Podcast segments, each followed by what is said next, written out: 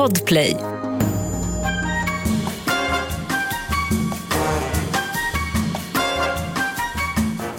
Välkommen till podcasten Jägaren med mig, Daniel da Silva. Ja, nu så ska ni få lyssna på ett avsnitt eh, där jag intervjuar två personer faktiskt. Det brukar jag inte göra. Men de här eh, två personerna sitter liksom ihop. Eh, och då pratar jag om Sven-Gunnar Lunneryd eh, och och eh, Thomas Eriksson. Eh, både Sven-Gunnar och Thomas, de brinner verkligen för kustjakt. Och det är någonting som, även om jag bor i liksom, Göteborgsområdet, eh, har pysslat extremt lite med. Så jag, jag har massa frågor såklart. Och jag tror att ni som lyssnar också har det. Sven-Gunnar, han är sälforskare för SLU och har gjort det. Han har jobbat med säl hur länge som helst. Thomas, han älskar att hänga med Sven-Gunnar. Han håller utbildningar. Det var så jag träffade träffade Thomas och Sven-Gunnar. Det var på en säljägarutbildning för Svenska Jägareförbundet. Och deras kunskap inom eh, kustjakt generellt, predatorsjakt på, på mink och skarv och liknande är enorm. Och framförallt då på säljakt. Eh, och jag vet att det finns många jägare där ute eh, och även icke-jägare som kan ganska lite om säljakt. Varför jagar man säl? Eh, vad gör man med sälen? Hur fungerar en sån jakt? Därför så tyckte jag att det var kul att ha ett avsnitt som handlar om det med riktigt kunniga personer. Och mm, det är svårt att hitta mer kunniga personer om just säljakt och kustjakt än Sven-Gunnar och Thomas. Eh, så eh, jag åkte till Strömstad och satt ner hemma hos eh, Thomas eh, med både då Thomas och Sven-Gunnar eh, och snackade med dem eh, massor eh, om eh, allt möjligt inom kustjakt men eh, mycket fokus då på just säljakt. Hoppas att ni finner detta avsnitt intressant. Eh, det har varit jättehärligt att få hänga med Sven-Gunnar och Thomas och ta del av deras kunskap. Eh, jag hoppas att ni ska gilla det lika mycket som jag gjorde det när jag träffade dem. Eh, men innan vi drar igång avsnittet så kommer här ett inslag med poddens huvudsponsor Chevalier.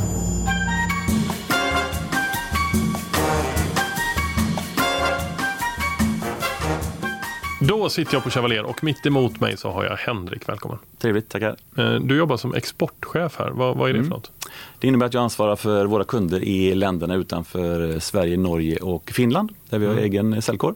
Och det är ganska många länder. Ja, det är upp mot eh, närmare 30 länder idag. Jagar du mycket i de länderna också? Eh, Än så länge så har vi inte kunnat resa sedan jag började här så att jag har bara klart. varit eh, jagat i Tjeckien men det var ju fantastiskt härligt att få gå ut på kvällen efter ett långt möte och Ah. Titta på både vildsvin och rådjur. Vi hade bra framgång så det var kul. Vad härligt. Men Du har hängt på Zoom en del då? Mhm, precis, och mycket sådana möten. ja, men det är väl många som har gjort. Eh, du jagar ju en hel del. Mm. Eh, idag ska vi inte prata om något specifikt plagg tänkte jag. Utan vi, vi kommer fokusera mer på, på jakt Mm. eh, i och med att du jagar så pass mycket som du gör. Eh, och jag vet att pyrschjakten ligger dig varmt om hjärtat. Ja, det tycker jag är härligt.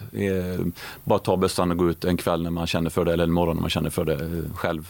Promenera runt skogen och smyga runt, sitta på en stubbe eller ett torn en kort stund och sen smyga vidare. Ja, det gillar jag. fint.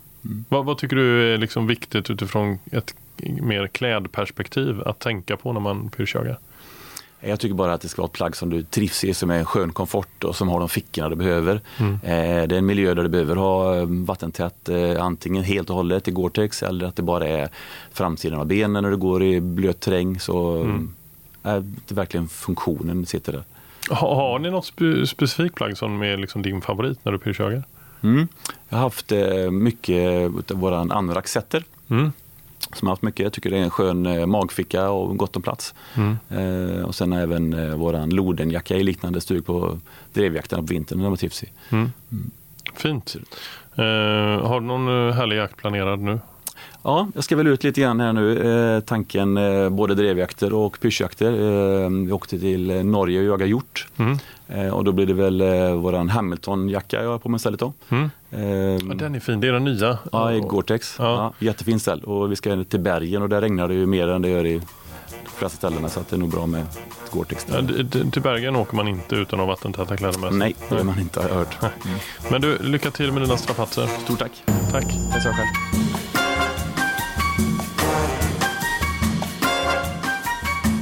Sådär, då sitter jag i eh, Strömstad hemma hos Thomas.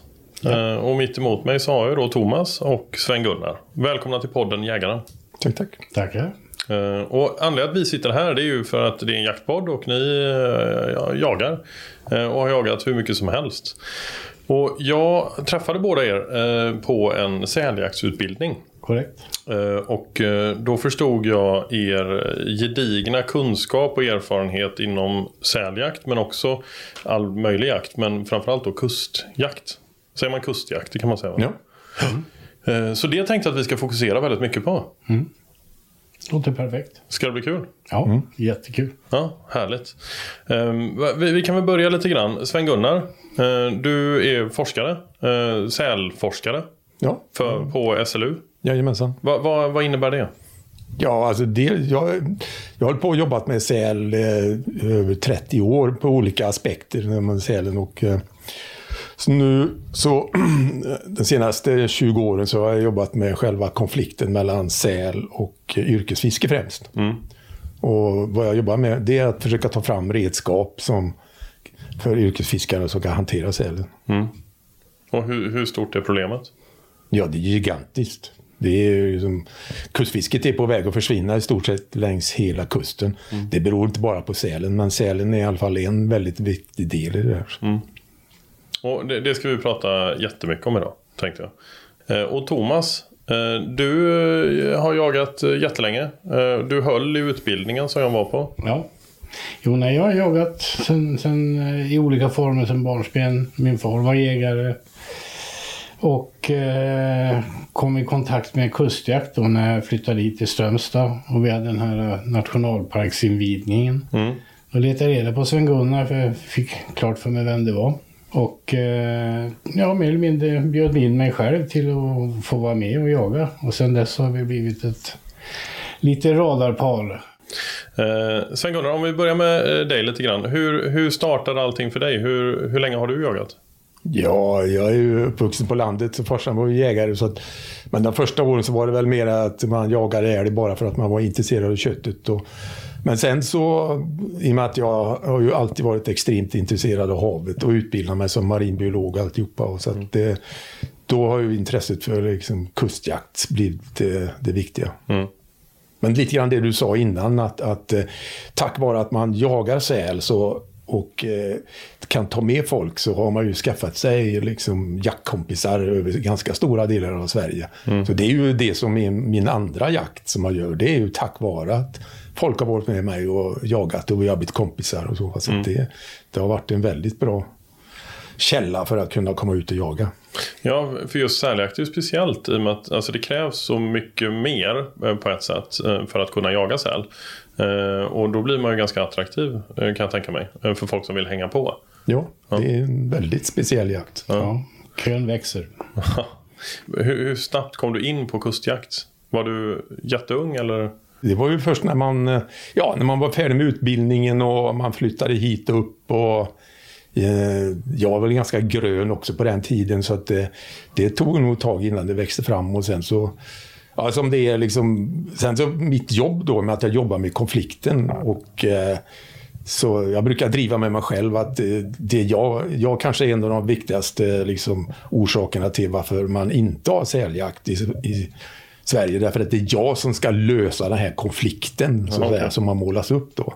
Men det insåg man ju ganska snabbt att här krävs det förvaltning. Så att jag var...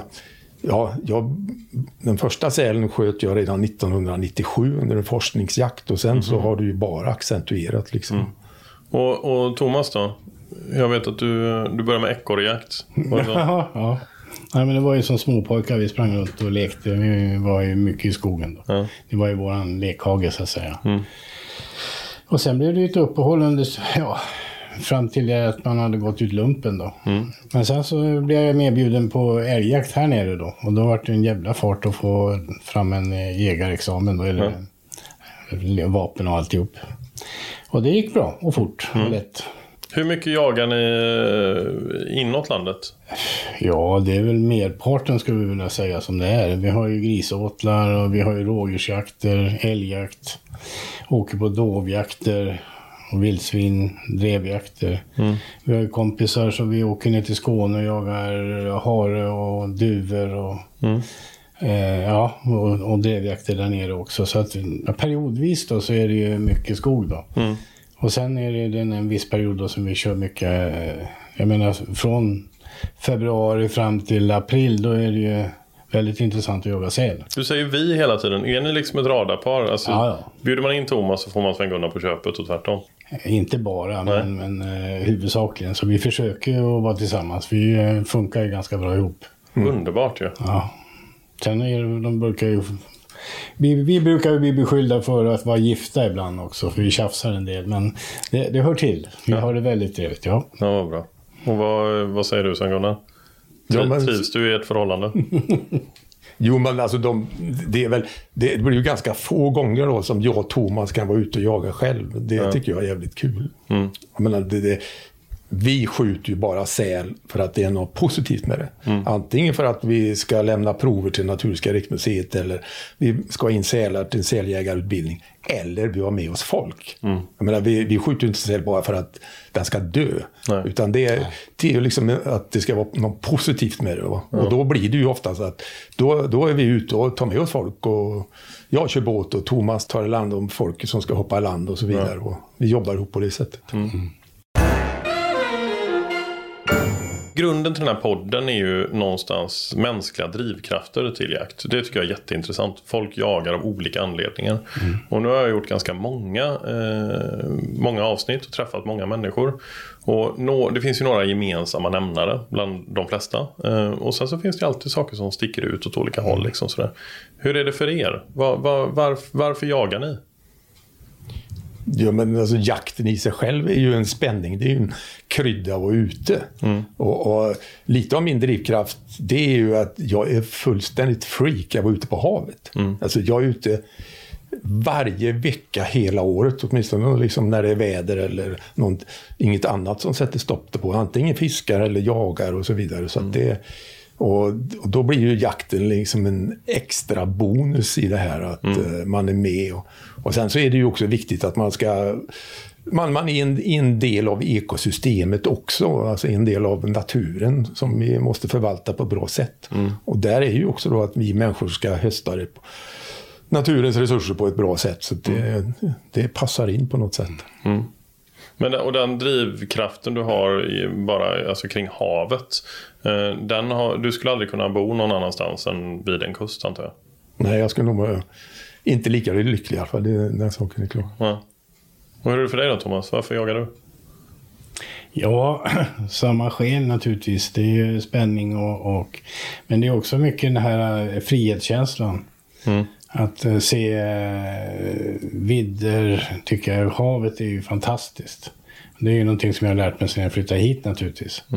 Och eh, just att se, alltså intrycken som jag går igång på, det är när vi åker ut på vinter och när havet är alldeles silverfärgat och det är bland det vackraste jag vet när jag ser det. där. Och sen att man är ensam och så ser vidderna och den biten.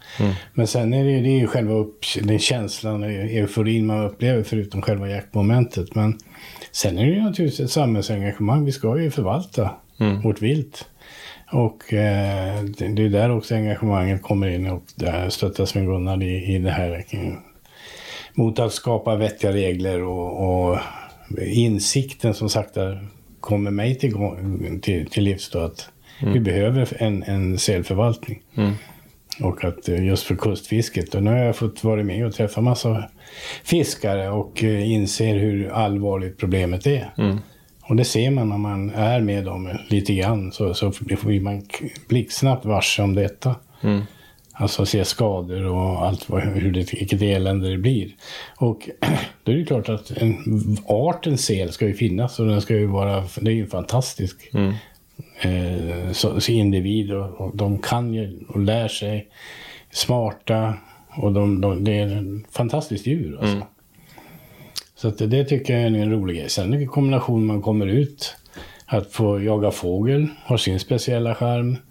Och sen så vad vi håller på med är mycket mink. Vi försöker ju utrota minken i Kosterhavet. Vi har ju ett uppdrag på fågelskyddsområdena där. Vad, vad innebär det? Ska vi eh, börja där? Min, minkjakt. Vad, hur, hur går det till? Man har ju hundar som letar reda på mink. Så det är typ gryt eh, som, som ställer, eller, för de går ju i gryt hela tiden. Och sen Gunnar har ju bra hundar och då, då eh, går vi land med dem och eh, Vad, vad, vad är det för hundar? Ja, den som är bra så är det en korsning mellan spaniel och tax. Och den som är dålig då? Ja, det är en jaktkocker som har glömt det där med jakt. Ja, okej. Men han har kommit igång nu när han har fått konkurrens. Så. Tidigare var mina vakter också bra. Ja. Kunde hjälpa till. Ja. Men, eh, men förlåt, det- ko- korsning mellan spaniel, eh, eller för, mellan springer spaniel Men han springer spaniel. Och, och tax. och- Ja. Det är, en, det är en hund i varje fall. Ja, och som är duktig. den gör vad den ska. Ja. Det funkar ju. Ja. Nå, älgjakten som sådan då, vi går vidare med det så, så eh, hund hittar minken. Mm. Och eh, som vi jagar på kust så är det berg. Vi har inga sandgryt utan det är stengryt. Och eh, det gäller att få ut den. Eller att kunna komma så pass och i, i, hitta den så att du kan skjuta den med eh, på plats då. Eller att man försöker att få ut den från eh, grytet då. Då får vi använda diverse redskap. Vi har tillstånd för att få använda lövblås bland annat. Mhm. Så vi blåser då kraftigt och då vill de inte vara kvar och springer ut. Och då finns det ju en chans att man kan skjuta. Eller vanligare är väl att hundarna hinner ikapp den. Så det är en kombination och det är en spänning. Och då är det ju mycket om att när hunden jagar minken att man eh, får tänka sig för och inte skjuta mitt i högen. Så att vi har klarat alla hundar hittills. Men det är spännande och det är väldigt roligt. Och då jagar ni uteslutande med hagel? Nej, alltså hagel är ju när minken springer och sen så, Ja, för att skjuta dem i gryt så har vi 22 pistoler. Alltså. Ah, okej, ja, men, okej, ja, men då fattar jag. Men, men som, som bössa så är det hagel? Ja, Ja. oh ja. Eh, och, Med bly. Med bly? Eh, Ja, det är en viktig poäng där för att nu har vi ju vi, fått en pålaga att använda stålhagel på skarv. Men alltså att skjuta med stålhagel i sten är ju naturligtvis en rikoschettfara av stora mått. Så därför måste vi använda bly. Och det är fina hagel vi använder också då. vad, vad jagar man med? Sjuor eller? Sju eller nio, ja. Okej. Ja, det går med fem med, beror på vad man har med sig. Men vi, vi försöker hålla oss runt sju och nio. Ja. Och vad, vad, hur, eh, har man speciellt tillstånd för det? Att få jaga med bly? Nej. Nej. Nej? Utan, Men däremot så finns det ju ett, eh, så att säga, ett hot att, att eh, om det blir ett totalt blyförbud ja. så kommer ju den här väldigt viktiga predatorjakten att hänga lite grann på gärdsgården. Alltså för att det går ju inte att använda stål i den här miljön som vi är. Det låter ju som, nästan som grytjakt på, på räv. På många sätt. Ja, visst. Alltså att hunden jobbar på samma sätt och, och så. Ja, fast den kommer ju, den kommer inte ner i grytet då, utan Nej. den står ju skäller. Och sen, sen så den som har rollen att liksom skjuta en revolver, den får ju liksom gräva och ligga ner med huvudet ner i springer och försöka liksom vänta på att minken ska sticka ut sin nos då, va, i någon skreva och så står andra hundarna och gafflar och så. Så det är en väldigt, det är friskis och svettis verkligen. Alltså. Ja. Va, hur, hur, har ni haft med er människor på minkjakt på hösten som aldrig har jagat mink innan? Hur, hur reagerar de? Jag tycker det är galet roligt. Ja, ja det, så är det. Alltså det, är ju, det, det är ju, finns ju inte mink överallt så att eh, jag, jag ligger någonstans, jag har ju liksom jagat mink i tio års tid så att hundsöktid så ligger det mellan då tre till fem timmar liksom innan man får ta på en mink. Och utifrån ett viltvårdsperspektiv, eh, varför jagar man mink? Ja, det är ju helt därför att den är en främmande art. Den, ska, den är ju en enorm fågelpredator. Och eh, det finns ju fågelarter som inte finns där minken finns, som till exempel tobiskissla. Den utrotas helt och hållet. Och Det finns ju massor av undersökningar på vilken negativ roll minken har just för kustfågel. Det känns som att en stor drivkraft för er är just det du var inne på, ekosystemet. Eh, det är ju väldigt mycket predatorsjakt ni håller på med. Eh, och försöker liksom hjälpa till att hitta och skapa balans helt enkelt. Är det korrekt? Ja, det kan man säga. absolut. Men det är ju också därför att det är, det är kul, liksom. det är spännande. Och, så det är en kombination. Jag gillar att du säger det. Det, det, är, det är nog många som knappt vågar säga det. Men det är ju jättekul att jaga. Ja, Det, det är nog ganska få som jagar som tycker att det är tråkigt i alla fall. Ja. Eh, Men det är ju en annan form, för mig i alla fall, jag kan inte prata för er. Men för mig så är det en, när jag, när jag tycker att det är kul eh, så är det en annan form av kul än många andra saker som är kul. Eh, alltså det finns ju ett allvar i det. Eh, det är inte, jag tror att om man inte jagar så kan man nog missförstå ordet kul. Eh, Men det är svårt att förklara. Men det, det finns ju ett, ett, allvar, man tar ett liv eh, och så vidare. Men eh, det, det tror fan att det är roligt samtidigt. Ja, men det, det allvar, den allvarssekunden, det, det, är ju inte en lång stund. Nej. Alltså det är ju bara ett litet klipp i hela dagens event. Jag menar, Exakt. en älgjakt, hur många skjuter älg varje år till exempel? Men de sitter där en hel vecka. Men de har ändå roligt. Mm. Alltså det, det, är ju något annat som driver naturligtvis. Mm. Och det är gemenskap, träffa kompisarna, komma hemifrån eller vad det nu är frågan om. Mm. Alltså det finns ju många sådana andra värden också som kommer in i det här. Mm. Och där tycker jag det, det, är så eh, kul att träffa er då, när ni säger själva att ni är som ett gammalt gift par. Mm. Eh, alltså ni har ju hittat varandra i detta också. Ni har ju roligt mm. tillsammans kan jag tänka mig. Ja, mm. Oh, ja. Det finns nog en hel del stories man kanske inte ska berätta i podden, men, men eller? Ja, men, jo, men det, så är det Det finns en hel del som man inte kan berätta. Nej. Ja, vi får se vad vi kan berätta. ja. ja. Förutom mink då, det finns ju massa saker man jagar på kusten. Vad, vad, vad bultar ert hjärta liksom hårdast för när det kommer till eh, kustjakt? Ja, Bask, jag vet inte om mink är roligast. Eftersom det är både hundaction och man flyttar sig mellan öar. Det är, söker av en holme och så in i båt och så ut och tar nästa. Mm. Det, det, det händer saker och ting. Sel kan vara är också spännande och roligt men det är så jävla mycket jobb med det. Så att mm. Det är också en, en, negativ faktor då i det, hur mycket arbete det är så att mm. säga. Vad säger du Sven-Gunnar? Ja, alltså det som man börjar med så var det ju mest ejderjakt. Och det är en det är en väldigt... Eh, när det ska vara lyckade förhållanden så, så var det ju liksom en extrem naturupplevelse. Men då måste man också vara väldigt dedikerad mm. om man ska ha en bra bejderjakt. Mm. Det handlar ju om att man ska ha alltså en väldigt stilla dag och man ska ge sig ut eh, mitt i mörkret eh, från, från hamnen och sen så, så man kommer liksom i för, före gryningsljuset mm. till de yttre kobbarna och ut med vättar. Och... Nu, får vi, nu får vi inte jaga ejder längre och nej, eh, vi... personligen så slutade jag jaga ejder för kanske tio, tio år sedan därför att ja, nej, då har jag tappat lite grann. Hur ser ni på det? Ni, ni om några har ju extrem kunskap. Uh, vi, vi, har ju nu nya jakttider. Mm. Ny, ny, ja, de har gjort om helt enkelt. En ganska stor förändring är ju just ejderjakten som nu har upphört. Ja. Eh, vad, hur ser ni på det? Ja, det är ju verkligen för jävligt och det är ju en politisk kohandel. Och jag menar, personligen så känner inte jag någon stor förlust, för det sa jag precis nyss, att jag har slutat jaga ejder. Men däremot så är det ju en gammal uråldrig tradition. Mm. Som är liksom en del av hela kust kulturen, mm. speciellt i Östersjön, att kunna jaga ejder. Mm. Och att tvinga de här gamla gubbarna nu att sitta inne för en sak som är så viktig. När vi vet, alla är helt överens om att jakten har inte som någon helst betydelse för, för uh, ejderstammens utveckling. Det här är en misshushållning liksom med, med folk och det är misshushållning med principer och alltihopa. Så att det, mm. det kan man bli riktigt arg på när man mm. tänker på. Så. Hur, hur uh, har, har, ni koll på hur ejderstammen har förändrats i uh, storlek? Ja, den har ju minskat. Men det är ju det att den har minskat från en extrem hög nivå. Mm.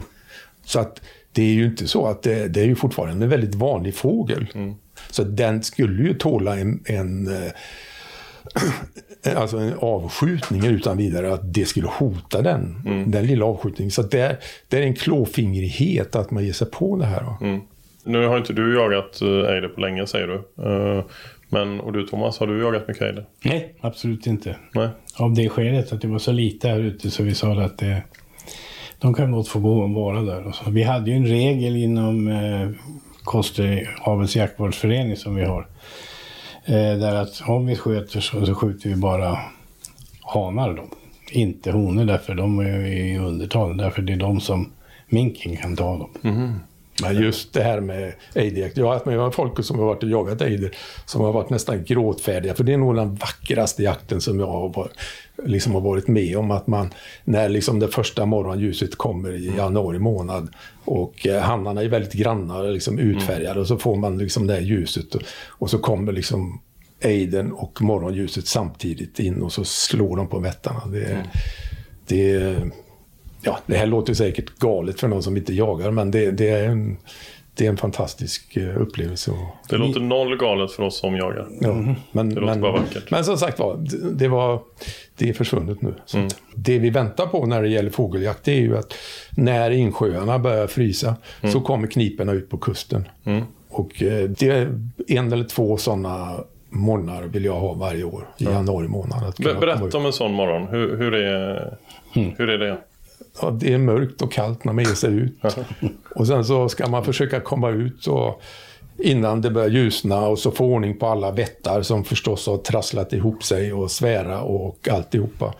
Och sen så mm, få ut dem och så ska man i land gömma båten och eh, hinna andas lite grann innan man hör ett vingande ljud som kommer. Och knipa är ju också en väldigt god fågel att äta. Den är nästan i klass med gräsand tycker jag. Så att det, det är ju ett skäl till också då att man, det, man vill ha lite knipröst. Andra jaktformer då? Kustjakt?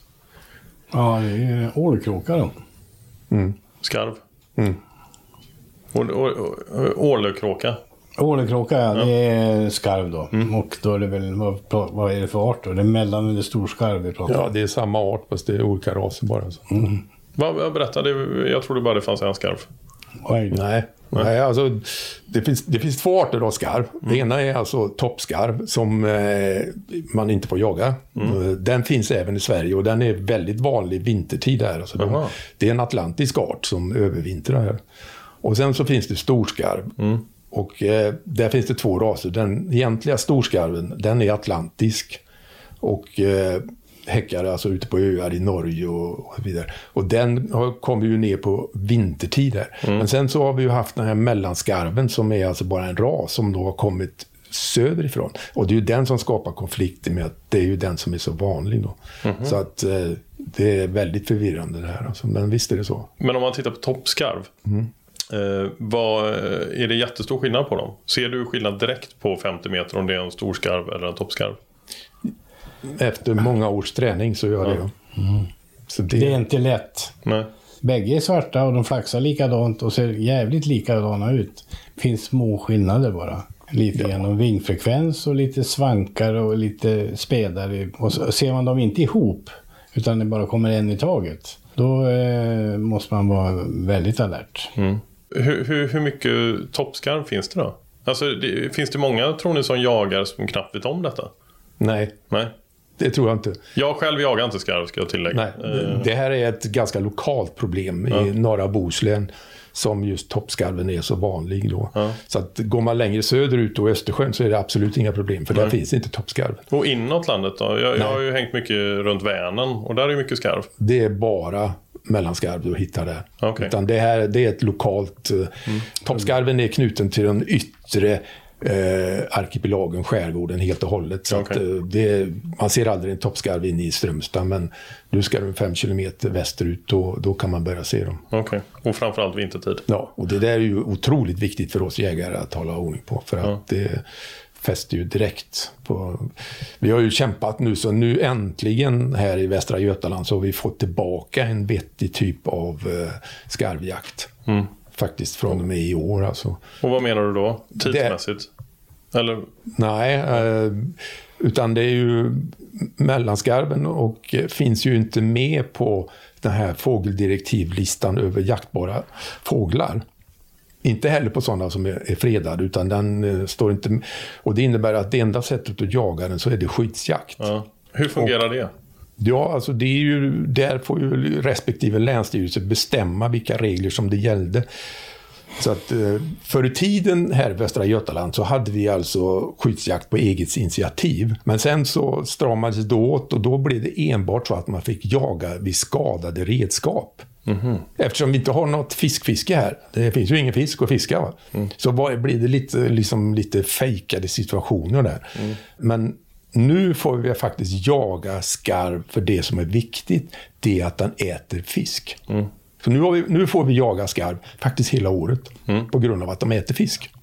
Hur, eh, på vilket, hur jagar ni skarv när ni jagar? Ja, för att det ska vara effektivt så är det, då ska man försöka jaga på de platserna som de övernattar. Eh, Skarven är en av de svåraste och skyggaste fåglarna. De har en enorm sikt och de är väldigt skygga. Så att komma åt en skarv dagtid genom att man går på en ö med ett gevär, det är fullständigt meningslöst. Man måste gömma sig väldigt mycket. Men på, natt, på kvällen då när den kommer och man gömmer sig ordentligt, för att det ska vara effektivt så får man inte ha en båt på ön till exempel, utan då är det ofta så att då är det en båt som släpper i land och sen så försvinner båten därifrån. Och sen så har man bulvaner då.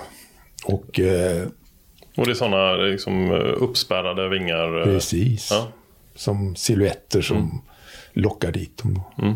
Vad, vad finns det mer att jaga på, på kusten? Ja, det var gås, mm. kanadagås och grågås. Grågås är ju extremt vanlig häckare här ute.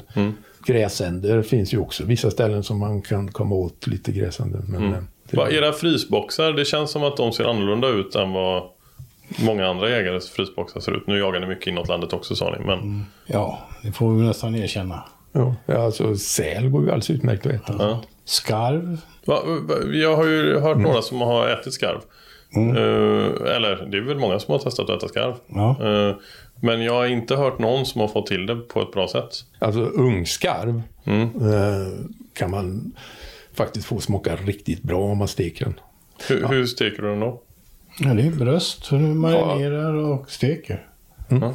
Svårare än så är det inte. Alltså, det, det är inga komplicerade saker. Jag ville ha ett recept liksom. men det var bara, man steker nej. Nej, men du marinerar ju någonting gott och lite vin och lite peppar och salt och glögg är en variant som jag brukar prova med och, och sådär. Då får du liksom en typ en glaze då när du har ste- stekt den då. Jag har hört att den, det finns en fisksmak på den. Nej. Nej? Okej. Alltså det där är, det är nog mer en illusion skulle jag påstå. Att man Okej. tror bara för att man, den heter fisk så ska den smaka fisk. Ja, okej. Men det, det är väl som med allt, alla byten att det handlar väldigt mycket om vilken fågel det är. En gammal skarv, det, där har du ju mer markerad smak. Och, sen är det också väldigt viktigt att man eh, flår djuret, alltså fläcker bort skinnet ganska snabbt. För att de har ju underhudsfett som då sätter smak på, på eh, själva bröstköttet. Hur, flår ni, tar ni ut bröstfiléerna direkt och, eh, och låter dem ligga ett tag? Eller hänger man fågeln hel? Eller? Nej, Nej. absolut inte hänga utan ut med brösten och, och putsa dem så får bort fettet. Och sen, ja, lag, hänga gör jag inte utan det, det åker i frysen direkt. Okej. Eller tillagas då. Ja. Eh, så gör vi. Och sen tar man upp det, tinar det, marinerar och sen så brukar jag bryna filén, eller bröstfiléerna då. Mm. Och sen så gör man en sås, skivar upp det vilande bröstet och så kokar man det i såsen då. Mm. Serverar det. Så kör jag, det brukar funka och det tycker vi är väldigt gott. Mm. Ja, en sak som jag är ganska säker på att skulle det vara en tävling på rökt fågel så skulle skarv komma väldigt högt uppe. Jag menar ett rökt skarvbröst. Eller Ja. slår, tycker jag, alltså ett rökt gåsbröst. Mhm. Det är ju ganska mörkt kött. Precis som ejden också har ett ganska mörkt kött. Och eh, kanske lite järnsmak över det. Men det, just själva rökningen, det passar väldigt bra. Alltså. Ska vi börja snacka lite om säljakt? Ja. Eh, säljaktsutbildning. Jag eh, känner några människor som eh, har jagat säl. Jag tyckte det lät intressant. Jag eh, förstår varför man jagar säl. Men jag har också märkt att det finns väldigt många som inte förstår varför man jagar säl. Det är ett kontroversiellt ämne, helt klart. Eh, och eh, på Jägareförbundets hemsida så såg jag att det fanns möjlighet att gå en säljaktsutbildning. Eh, som ger en möjlighet att jaga säl på ett annat sätt. Eh, men framförallt så ger det en kunskap om, om säl. Absolut kunskap. Ja, och eh, då anmälde jag mig till en sån jakt och det var ni två som höll i utbildningen helt enkelt. Eh, om, om man lyssnar på detta och vill gå en sån utbildning, hur ska man göra då? Ja, Jägarförbundet har väl kanske en eh, 10-15 utbildningar längs hela kusten. Vi är ju en tre, fyra, fyra kanske utbildare som har det längs hela kusten. Då. Och sen så finns det ju andra jägarförbund som också har utbildningar. Och så. så det finns möjlighet att gå en sån här säljägarutbildning längs hela kusten. Så. Varför ska man gå en sån utbildning? Alltså det som är så spännande så är det ju faktiskt så att när, så man inser liksom hur seriösa jägare är. För att de flesta gör, går den här därför att de, ja, det här är en spännande ny art och då vill jag lära mig någonting. Mm. Det finns ju praktiska skäl till vad man ska gå säljägarutbildning för att det är, lite, det är mycket konstiga regler. Men en sån konstig regel är att om man ska jaga säl från båt så måste man gå den här utbildningen. Jag menar, du får skjuta älg och björn och allt, vad som helst för att skjuta från båt, men inte säl. Nej.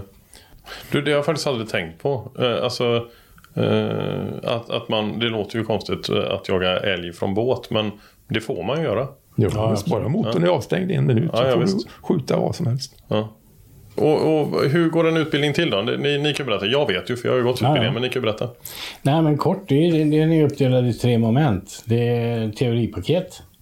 Där man då i lugn och ro eh, går igenom ett, kompendium i princip med bilder och eh, där man då tar upp då varje få, eh, regel och råd och varför man går kursen och så vidare. Alltså där får du biologi och mycket annat sånt här med dig. Och sen är det ett praktiskt moment i hur man hanterar en säl. Där vi då har en säl där vi öppnar den, tar ut och det är för provtagning.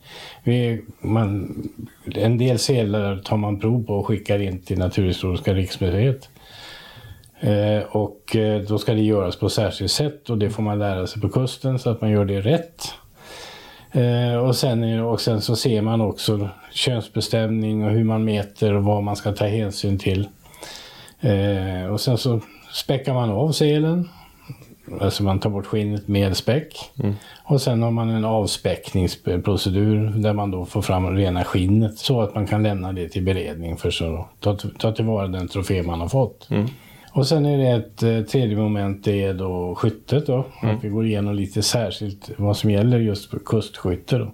Med kulvapen där det är, man ligger lågt ut med markytan och skjuter. Och, eh, väldigt viktigt att tänka på säkerheten där. Så att du har kulfång eller att du skjuter ut mot öppet hav. Du vet ändå inte hur lång kulan går. Den går ju kilometer. Va? Varför jagar man säl? För att det behövs. Nej, alltså, du behöver inte titta på mig som att jag inte förstår själv. Utan jag, Idiot! ja, men, alltså skälet är ju att vi människan, vi reglerar ju liksom naturen på alla möjliga sätt. Och låter vi en sån här viktig predator bara tillväxa så blir det ju konsekvenser.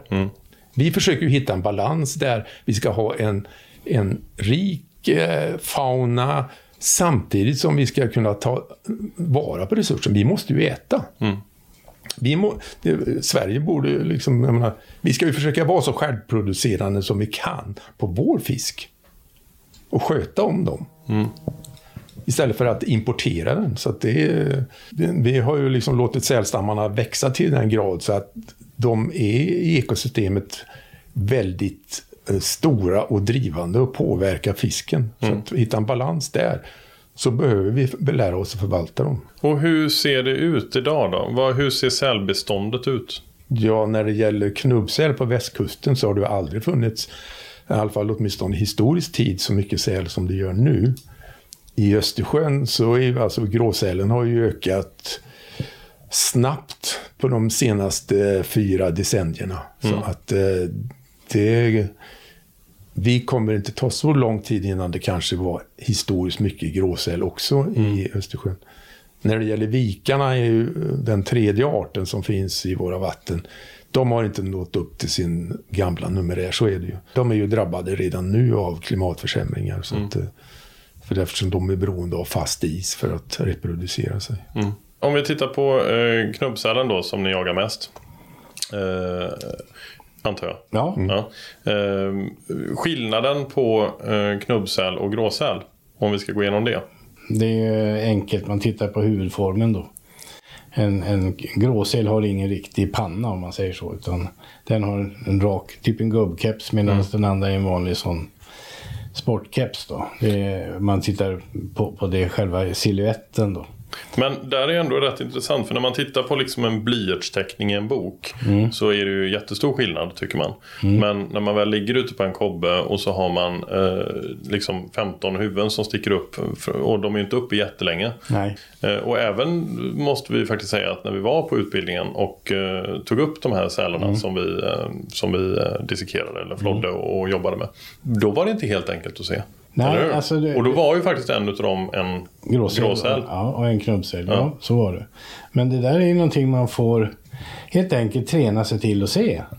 Alltså du, även om de poppar upp kors och tvärs så sitter man och tittar till tur så ser man att den där är en gråsel. Ja. Därför man ser att den har ett annat uttryck än vad, vad knubbselen har. Mm. Och det där är en träningssak. Alltså, ska man bli bra på någonting måste man öva och träna. Mm. Så enkelt är det. Och gå utbildningen. Ja, Ja, exakt. Och, och det är ju viktigt att, att tillägga det då, för, för eh, på den här sidan och här där ni jagar, eh, här jagar man ju bara knubbsäl. ja. Eller hur? Så det är ju extremt viktigt att, att se skillnad på dem. ja, det är det. Ehm, och tänderna är ju väldigt stor skillnad. Ehm, Ja, det, var, det är det klassiska, men då är den ju död. ja, det är lite svårt att se på Och, 50 och meter. då, då har man den i handen. Jag menar, det är, det är klassiker. Det är lättare att artbestämma en, en fågel när, när man håller i den, än exakt. när den flyger.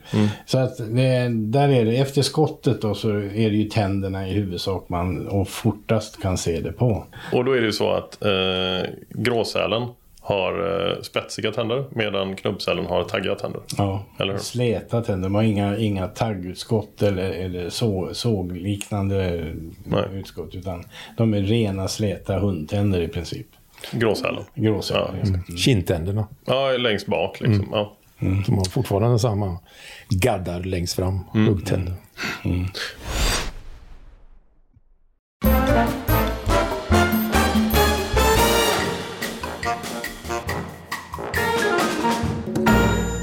Många människor som lyssnar på detta har inte jagat säl och de vet nog knappt hur man jagar säl.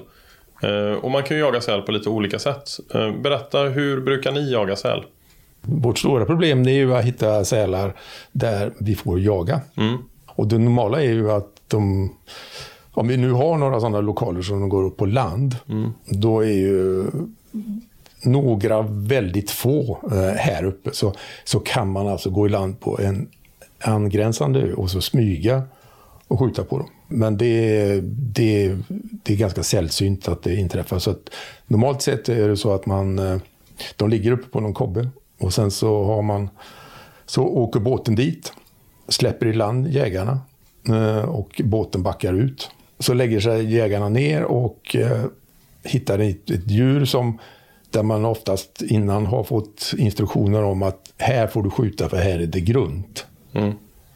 Eh, och så skjuter de och sen så är alltså båten väldigt redo att snabbt köra på plats då. För att normalt så kanske de flyter några sekunder. En halv minut eller så vidare. Så att de flyter så- att man kan gaffa dem med krok då ifrån båten på det sättet. Och hinner de att sjunka så har man lite jobb med att försöka få upp dem. Så det är det normala sättet att jaga. alltså. Så. Jag har jagat säl vid ett tillfälle Eh, i Halland. Eh, och då var jag ute med en, eh, en cell, ett sälproffs helt enkelt. Eh, som jobbar med detta och som, eh, som anordnar säljakter. Och eh, då vid ett tillfälle så eh, gick vi i land vid en kobbe eh, och på en närliggande kobbe då 40 meter därifrån så låg det säl. Men de stack ju i vattnet när, när de eh, märkte att vi var där. Vi lyckades alltså inte kan man väl säga. Men de låg ju kvar jättelänge och var liksom nyfikna I vattnet ja. i vattnet. Ja.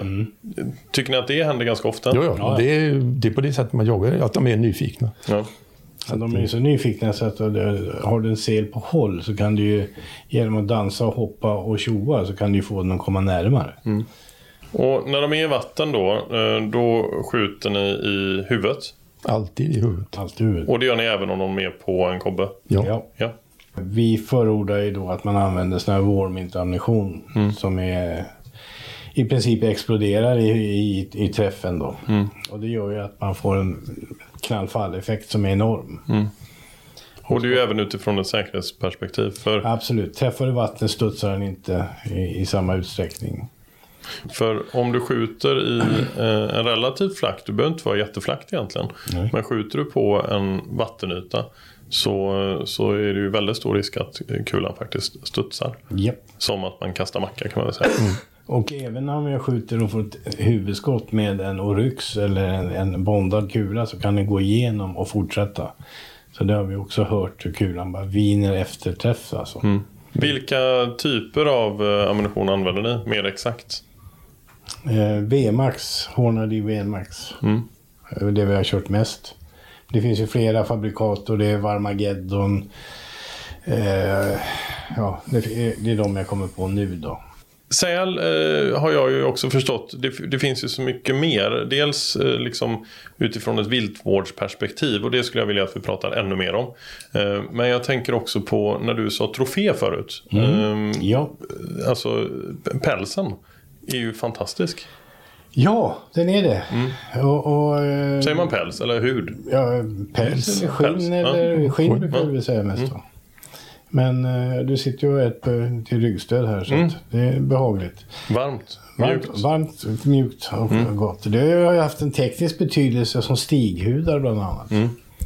Det är, ju- det är ju inte helt enkelt att bereda ett sälskinn. Eh, Alltså det, kräver, det är ju inte som att bereda ett... eh, ja. Nej, alltså att man skickar till en konservator eller en som hanterar skinnet. Mm. Det, det är väl ganska naturligt. Det är väl inte många som vill hålla på och köpa kemikalier och hålla på och pilla med det. Men jag tänker även hos, eh, alltså hos konservatorn. Arbetet med sälskinn är ju eh, svårare än Ja, ett eh, blåbio. Det är få som gör det och det är dyrt.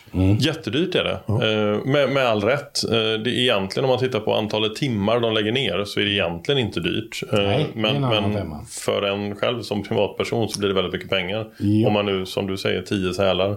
Eh, Det är ju liksom eh, det är ett par månadslöner nästan. Ja, det är, det är fort 30 000 alltså. Mm. Ja. Så är det eh, och, eh, Men det, det, oavsett, alltså, skjuter man sin säl, om man nu skjuter en eller ett par, så är det väldigt roligt att ta vara på skinnet Ja. som en trofé. Och då är ju det här, alltså, på kursen går vi igenom just hur man ska hantera skinnet så att konservatorn har en chans att göra ett bra jobb. Mm. Så du inte skickar in halvruttna skinn eller fullt med späck och det är omöjligt att få dem rena då. Och, och berätta det, vad, hur, hur ska man göra då? man tar ju loss skinnet med späck fast på skinnet eh, från sälen. Mm. Och sen lägger man det över en bock, planka eller en eh, som vi har skivor då som vi hänger det på. Mm. Och sen har man då en kniv och så skrapar man så nära och skär så nära själva ledret som möjligt då. Och du hade ju specialknivar. Ja, eh, sån här che... inuitkniv ulus då. Mm. Och det, ja, det är väl mer av en kulturgrej att jag tycker det är trevligt att använda dem. Och sen Mm. har man lärt sig arbeta så det, det vore väldigt lätt och smidigt tycker Mm. jag. Och eh, då, då skrapar man skinnet helt fettfritt då. Och eh, sen när det är gjort så ska man ju då tvätta skinnet. För att det, hur eller hur så hanteringen är väldigt mycket späck. Vi ska mm, klara det kanske sitter 3 till 4 till 5 centimeter späck på själva skinnet. Det är inte som att man skrapar lite hjort att det sitter lite hinner här och där utan här är det alltså en tjock väldigt fet kletig massa. Den är inte kletig, den är fast och hård. Men Och- och- det rinner ju. Låt oss återkomma till späcket för det ska man ju också ta vara på, Jajamän. eller hur? Mm. Så det, det samlar man ju upp separat när man skrapar av. När, sen när skinnet är rent, då har späcket ligger i en balja för sig. Och sen har du eh, skinnet och då tvättar du det. Och då tvättar man det ett antal gånger och, och med tvål och vatten, alltså gäss eller ett bra fettlösande medel då. Så, så att det inte sitter kvar i själva pälsen. Ja. Så håren inte ska få vara fulla med, med fett då. Ja. Och sen saltar man skinnet om man nu ska salta och lägga i saltlag. Vilket vi rekommenderar och tycker är en bra sätt att laga skinn. Fungerar väldigt bra. Mm.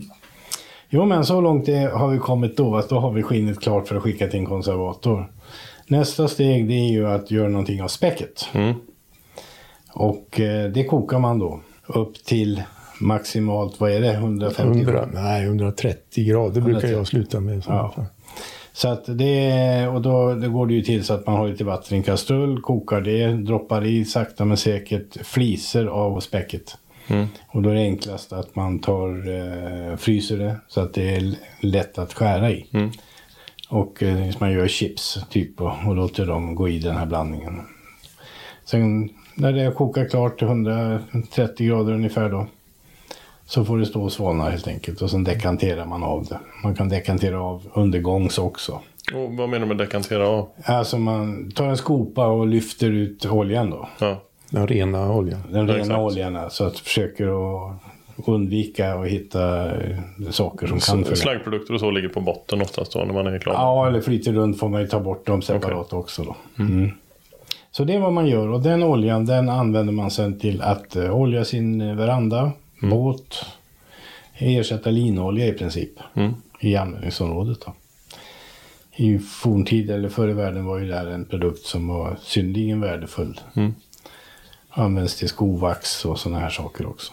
Och, eh, och regeln då kring att man inte får handla med sälprodukter överhuvudtaget. När kom den?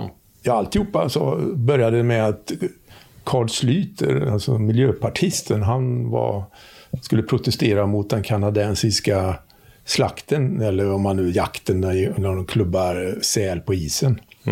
Och det gillar ju inte kanadickerna, så de var lite handfasta mot honom då. Så han fick väldigt skäl till att vara ytterligare liksom antagonist mot sälhantering. Så han lyfte det här i EU-parlamentet. Och lyckades faktiskt få EU att inrätta ett handelsförbud mot kanadensiska och norska sälprodukter som kom just ifrån att man var uppe på isarna och eh, höstade resurserna där. Men eh, sen så hamnade den här saken uppe hos WTO, eh, Världshandelsorganisationen. Och då sa man det att det är rätt att förbjuda handel av moraliska skäl. Vilket ju är ganska intressant. Om man tänker om vi skulle diskutera moral när det handlar om svinhantering i Danmark till exempel. Så tror jag nog att då hade väl det varit ett mer logiskt liksom, resonemang att förbjuda handel med. Men eh, då sa WTO så att det är rätt av EU att förbjuda handel, men ni får inte hantera, ni får inte sälja någonting av era egna produkter inom EU. Så då blir det totalstopp. Tror ni att det kommer förändras? Det här är ju så jävla dum regel så att det, vem man än pratar med så tycker man att man, så här kan det ju inte vara. Men alla de politiska initiativ som har varit från flera EU-stater och när de försöker driva det här så blir det bara tvärstopp. Nej, den här frågan ska vi inte röra. Och övrigt då rent politiskt kring, eh, kring säljakt, vad, vad har du att säga där? Ja, i, idag så är det väl liksom ett parti som har liksom stoppat att vi har en mer effektivare säljakt och det är Miljöpartiet. Som då blockerar den här frågan i riksdagen. Och, och åter till jaga mer säl. Eh, Det, det har ju självklart med beståndet att göra. Eh, Vi var inne på det i början med att det har ökat. Eh, Exakt antal, vad, vad, hur ser det ut idag? Alltså om vi tar våra gemensamma vatten, hela Östersjön och hela Västerhavet som vi då delar med andra länder, så har vi en bra bit över 100 000 sälar idag. Och den jakten som då bedrivs på kanske 3 000 totalt av alla stater. Men låt oss säga att det kanske är i genomsnitt mellan 5-7 procent tillväxt. Så då ökar ju hela sälbeståndet med 5-7, minst 57 000 per år. Och så exakt. skjuter vi bara 3 000. Så det, det blir bara mer och mer sälar hela tiden. Och hur mycket äter en säl? Ja, det är olika arter, men du kan säga någonstans mellan 6 till 4 kilo fisk per dag. Och slår man ut det på ett år så är det ganska mycket fisk. Det blir väldigt, väldigt många ton. Alltså, det handlar ju om ton för varje säl. Så att jag brukar ju tänka så här att okej, skjuter jag en säl så, och jag förväntar mig att den ska leva i fem år till så har jag alltså sparat kanske 5-7 ton fisk. Den här liksom kontroversen kring säljakt, vad, vad tror ni att den beror på?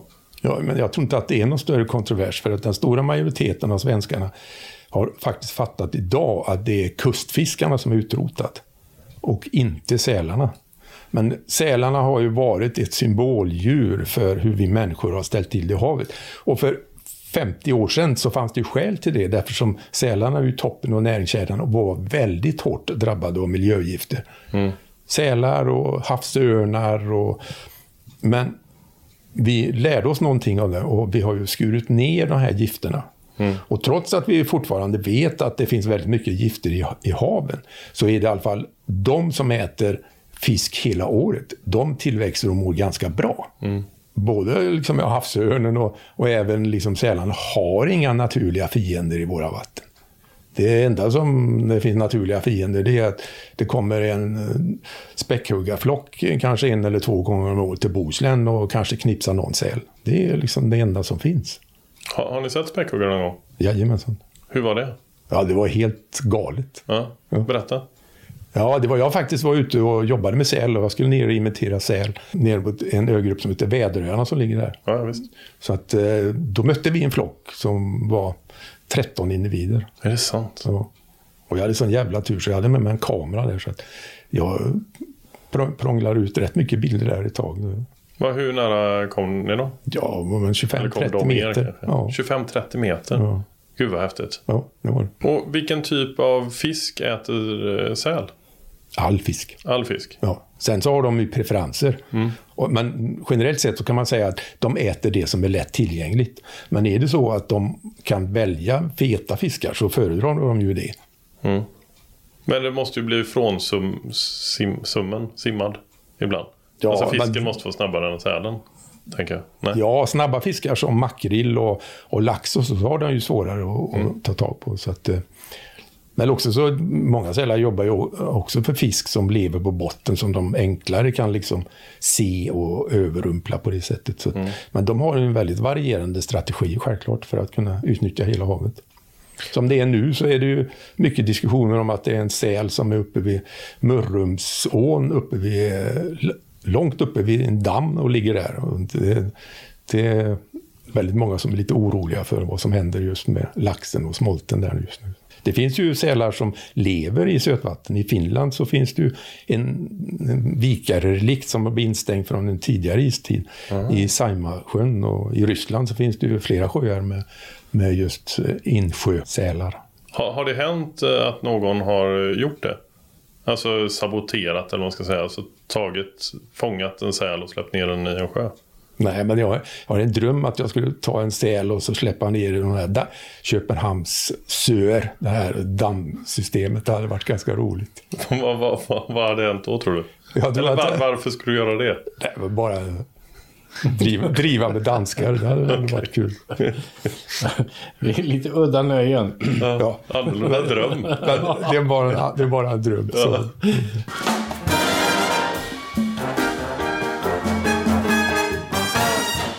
Man inte har gått en säljägarutbildning, eh, för det har vi pratat om, men om man inte har gjort det utan man, man lyssnar på detta, man är jägare eh, och man tycker att det vore fantastiskt att få jaga säl någon gång. Hur ska man göra då? Ja, alltså det enklaste sättet är ju att man går en säljägarutbildning. Då har man åtminstone fått en guide hur man ska liksom ta sig igenom det här och den grundläggande kunskapen. De tipsen som är bra. Eh, men, men är det så att man äger, att man har jakträtten på ett område där det finns säl och eh, man tar reda på att eh, okej, okay, de här får jag jaga, då, då är det ju fritt. Då behöver man inte gå säljägarutbildningen, men det är ju så få som det kan överhuvudtaget gälla. Så att, nej, utan leta upp en jägarorganisation som kör en säljägarutbildning och gå den. Det är det första steget. Och om man bara vill följa med på en säljakt utan att jaga själv eller sådär, kan man höra av sig till er? Finns det andra personer som man Det kan... finns ju professionella aktörer som du sa då va. Och eh, då, då i första hand ska man väl kunna komma åt dem. De är lättast att komma åt för de är ju offentliga. Har man annars så är det ju vänner och bekanta och hitta någon att åka med. Mm. Tack snälla för att ni ville prata med mig. Eh, jätteglad att ni tog er tid. Eh, tyckte ni det var trevligt? Absolut. Ja, Båda två? Du är också Sven-Gunnar? ja men eh, får jag prata säl så är jag lycklig. Ja, det är bra. Ja. Fint. Eh, jag är jätteglad att ni bjöd på er kunskap och era erfarenheter. Och hoppas att eh, de som lyssnade tyckte det var lika intressant som jag tycker att det var att träffa er. Tack så mycket. Tack.